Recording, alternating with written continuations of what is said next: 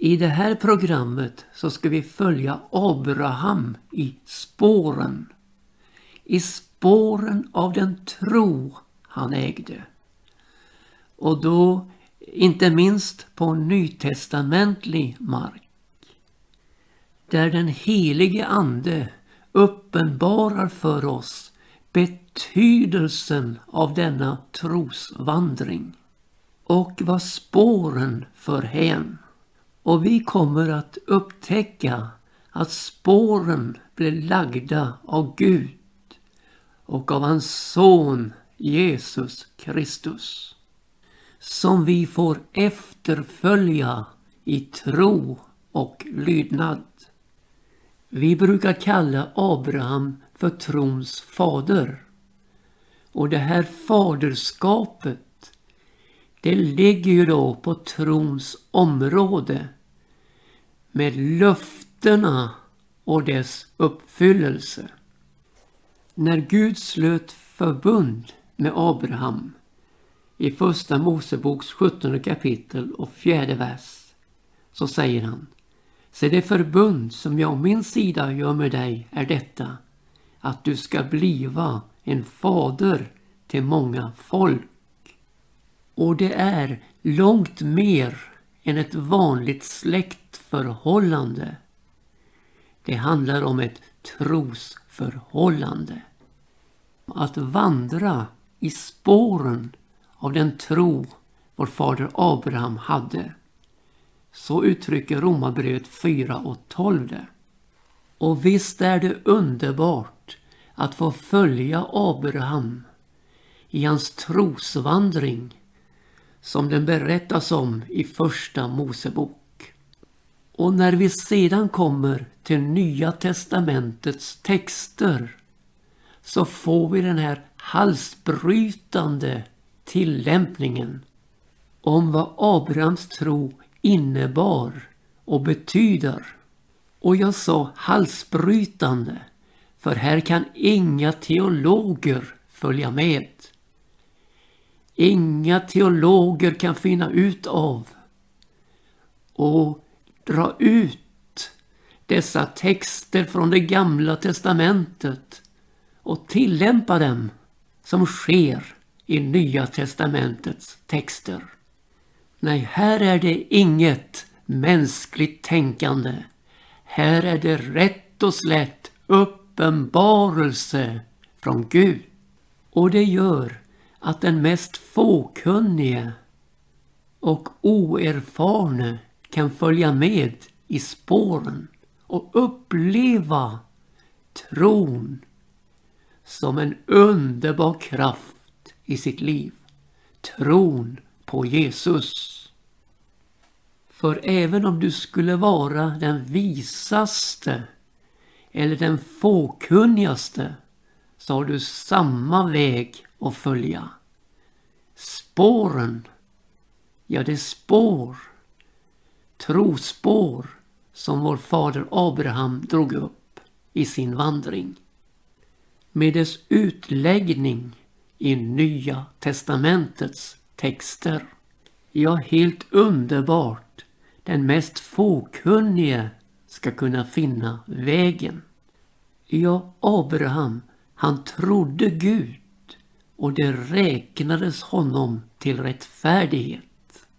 Och i texten från Gamla testamentet där denna helt avgörande mening finns. Abraham trodde Gud och det räknades honom till rättfärdighet. Den texten ska vi läsa för den visar på det hopplösa utgångsläget. Det mänskligt hopplösa, men för Gud helt möjliga. Och jag läser från första Moseboks femtonde kapitel och den andra versen. Men Abraham sa, Herre, Herre, vad vill du då ge mig? Jag går ju barnlös bort och arvinge till mitt hus blev en man från Damaskus, Eliezer. Abraham sade ytterligare, mig har du icke gett någon livsfrukt. En av mitt husfolk ska bliva min arvinge. Men se, Herrens ord kom till honom. Han sa, nej, denne skall icke bli din arvinge, utan en som utgår från ditt eget liv ska bli din arvinge. Och han förde honom ut och sa, skåda upp till himmelen och räkna stjärnorna, om du kan räkna dem. Och han sa till honom, så skall din säd bliva. Och han trodde på Herren och han räknade honom det till rättfärdighet. Och han sa till honom, jag är Herren som har fört dig ut från det kaldeiska ur för att giva dig detta land till besittning. Ja, du ser här av texten att det är inte på det här viset att nu tror vi och så rullar det på.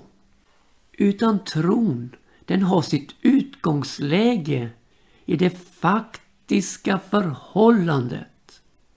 Här i denna barnlöshet.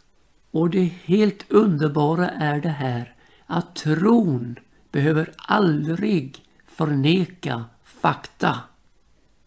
Utan den tål att ta emot och tala om precis hur det är. Och detta inför Gud. Samtidigt är det ju oerhört viktigt att vara öppen för vad Gud säger och talar in i situationen. Öppen för hans ingripande. Låt oss slå fast dessa två saker.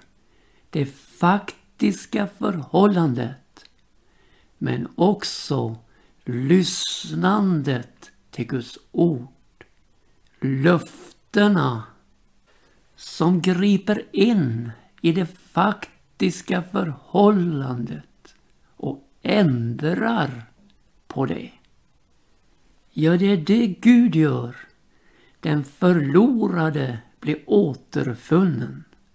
Den vilsne kommer rätt och syndaren blir frälst. Den orättfärdige blir rättfärdiggjord. Gud förde Abraham ut och han fick skåda upp emot stjärnorna. Och Gud säger Skåda upp till himmelen och räkna stjärnorna om du kan. Så skall din säd bli. Och visst är det helt underbart att få komma ut ur hopplöshetens situation och skåda upp emot himmelen och se Guds löftesstjärnor stråla emot den. Och när han nu står där och skådar upp emot stjärnorna och ser Guds löftesvärld så tänds trons låga i hans inre. Och så kommer då den underbara meningen. Och han trodde på Herren och han räknade honom det till rättfärdighet. Problemet är, vet du, att vi finner på alla möjliga knep för att få det som bara tron på Jesus kan ge oss. Vi behöver få syn för Guds löftesvärld och inse och förstå dess mångfald. Att Gud, han bemästrar varje situation vi kan hamna i.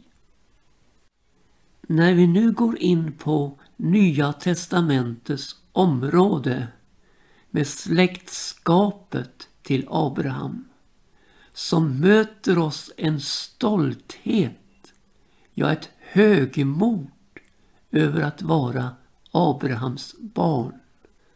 Och här fanns alltså en berömmelse vid sidan av spåret.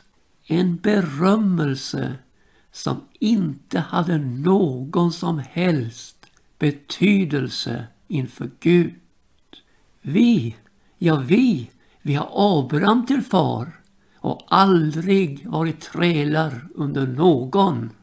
Men Jesus, han bemöter ju dem med att är ni Abrahams barn så gören och Abrahams gärningar.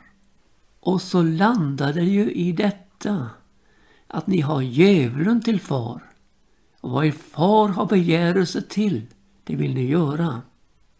För det är ju så här att den som gör synd är syndens träl. Ja, tänk, Abrahams barn blir inför Jesus avslöjade som djävulens barn. De hade helt enkelt kommit vid sidan av spåret och missat ödmjukhetens berömmelse. Berömmelsen av Gud och vår Herre Jesus Kristus. Det spår som Gud la ut för Abraham, det omfattar ju ett uttåg ur det kaldeiska ur och en vandring mot löfteslandet men också ett intåg i landet. Men därmed var ju inte allt färdigt och klart utan i själva trosvandringen så låg det inlagt en välsignelse från Gud. Gå ut ur ditt land och från din släkt och från din faders hus och bort till det land som jag ska visa dig. Jag ska göra dig till ett stort folk. Jag ska välsigna dig och göra ditt namn stort och du ska bliva en välsignelse. Och jag ska välsigna dem som välsignar dig och dem som förbannar dig ska jag förbanna och i dig skall alla släkter på jorden varda välsignade. Hur skönt löfteslandet än tedde sig, hur vackert det än var, så fanns det något bortom dalarna, något bortom bergen, ja, något bortom molnen. Inte bara en större välsignelse men en himmelsk sådan. Han väntade nämligen på staden med de fasta grundvalarna vars byggmästare är Gud. Där han får sitta tillsammans med Isak och Jakob i himmelriket. Men inte bara dessa tre, utan en skara av dem som har följt i spåren.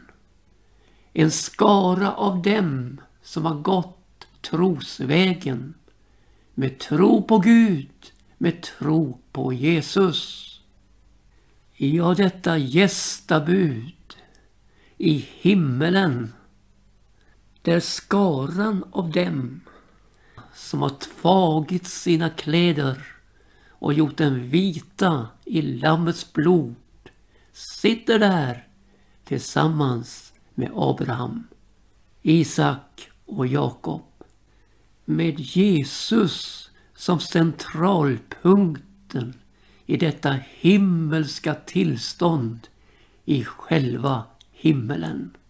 Ja, den välsignelsen låg i trosvandringens slutmål och fulländning. Ja, vi möter jordens stoft och stjärnornas mängd. Ja, vi möter mångfalden av Guds löften och skarorna, de oräkneliga skarorna. Och mitt ute i denna mångfald så kommer löftet om Isak löftessonen. Genom Isak är det som säd skall uppkallas efter dig. Och hela välsignelsen låg i säden, löftessonen. Och när vi möter utläggningen i Galaterbrevets tredje kapitel och sextonde vers så heter det Nu gåvos löftena åt Abraham så och åt hans säd. Det heter inte och åt dem som komma av din säd så som när det talas om många utan det heter så som det talas om en enda och åt din säd vilken är Kristus. Ja, spåren, det bryts inte upp men förs in på sitt rätta plan. In i Kristus som säden. In i Kristus som välsignelsen. Och den helige Ande klargör för oss så tydligt att här, här går spåret. Det finns ingen mångfald utan Kristus. Det finns ingen oräknelig frälst skara, slutfrälst, utan Kristus. Och på löftenas område så är det så här att Guds löften, så många det är, har i honom, i Jesus, fått sitt ja och därför får de och genom honom sitt amen på det att Gud må bli ärad genom oss. Ja, hela välsignelsens omfattning och löftenas mångfald är knutna till Kristus och får sin uppfyllelse genom honom. Ja, spåren ledde in till honom och här fick löftena sin fulla uppfyllelse. Så blev vi då ledda till en enda Jesus Kristus. Han är säden. Abrahams säd. Och från honom kommer mångfalden den oräkneliga skaran som står inför tronen. Och bredden här på välsignelsen är så oerhört stor att den omfattar alla människor. Det heter i löftet I dig skall alla släkter på jorden varda välsignade. Alla släkter på jorden varda välsignade. Ja, det för oss ju till Johannes 3 och 16. Ty så älskade Gud världen, alltså alla människor, att han utgav sin enfödde son på det att var och en som tror på honom skall icke förgås utan ha evigt liv. Ja, visst vill Gud att alla människor ska bli frälsta och komma till kunskap om sanningen.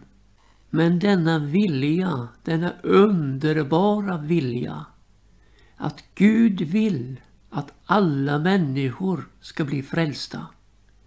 Den viljan bryts ju av emot den mänskliga viljan. Och vilsenheten i denna vilja.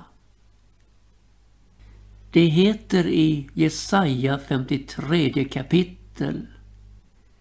Vi gingo alla vilse såsom får var och en av oss ville vandra sin egen väg.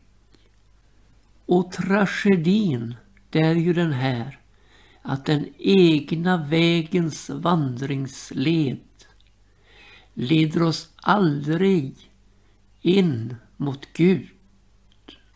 Utan bort ifrån Gud och hans överväldigande härlighet i ett evigt fördärv ett evigt mörker. När man vandrar utan hopp och utan Gud i världen, här i tiden, så kommer detta förhållande att permanenta sig i evigheten.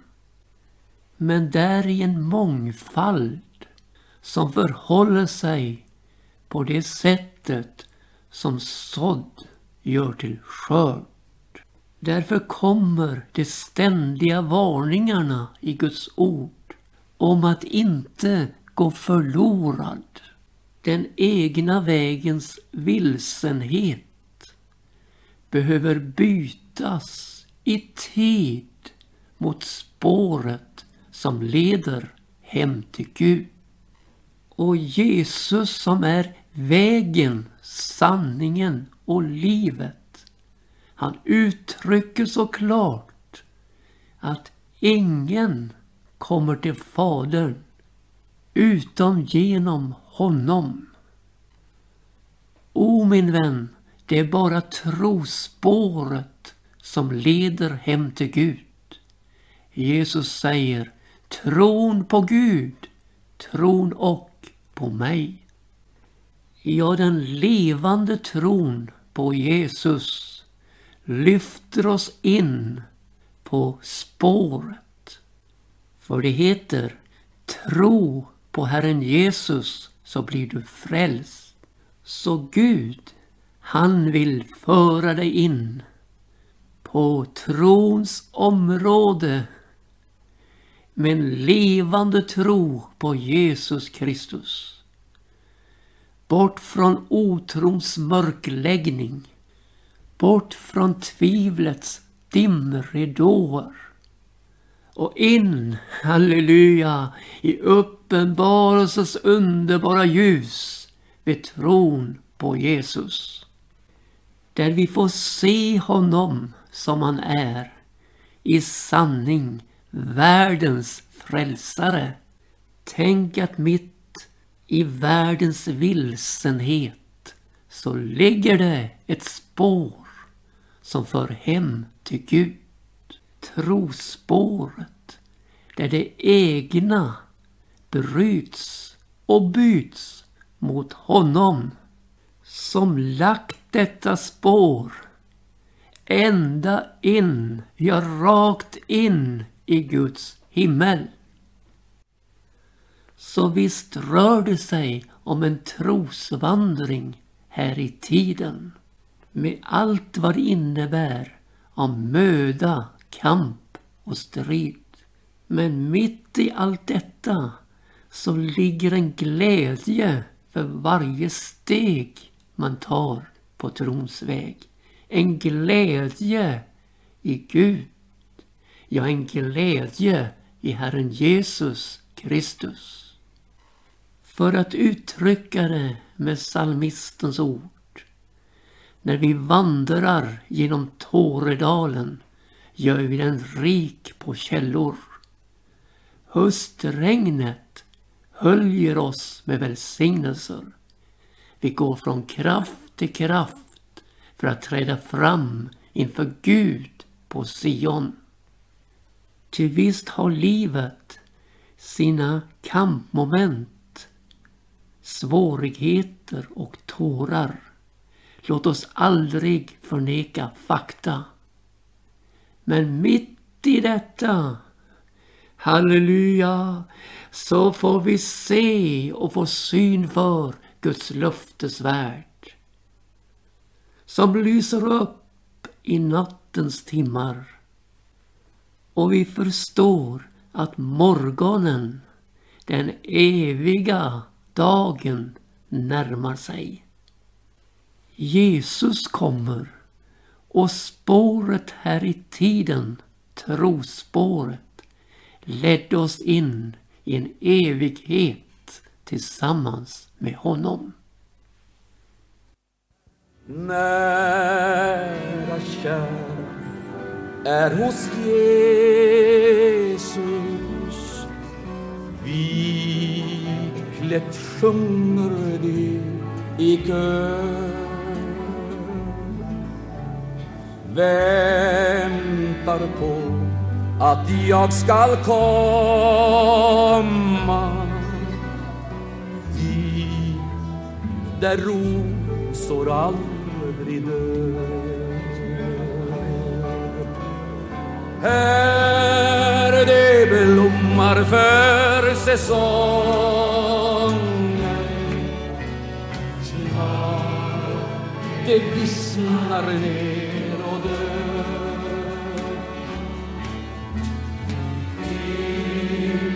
Den stad jag är på vandring. Dit där rosor aldrig dör Svårigheter visst vi möter Satans snaror här förför Inga frestelser i staden. Där som rosor aldrig dör. Här är det blommar för säsongen Snart det vissnar ner och dör.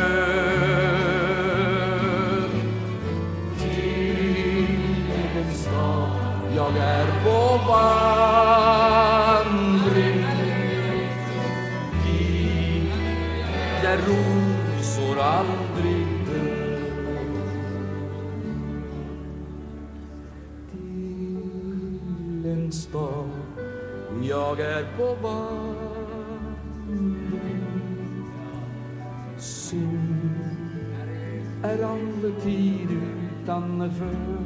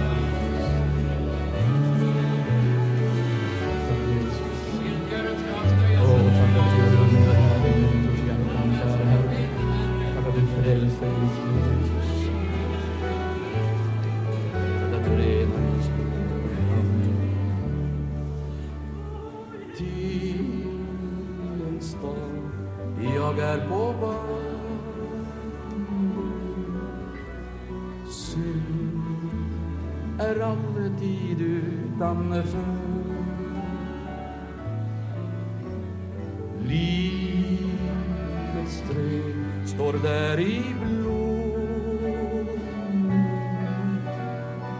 och där rosor aldrig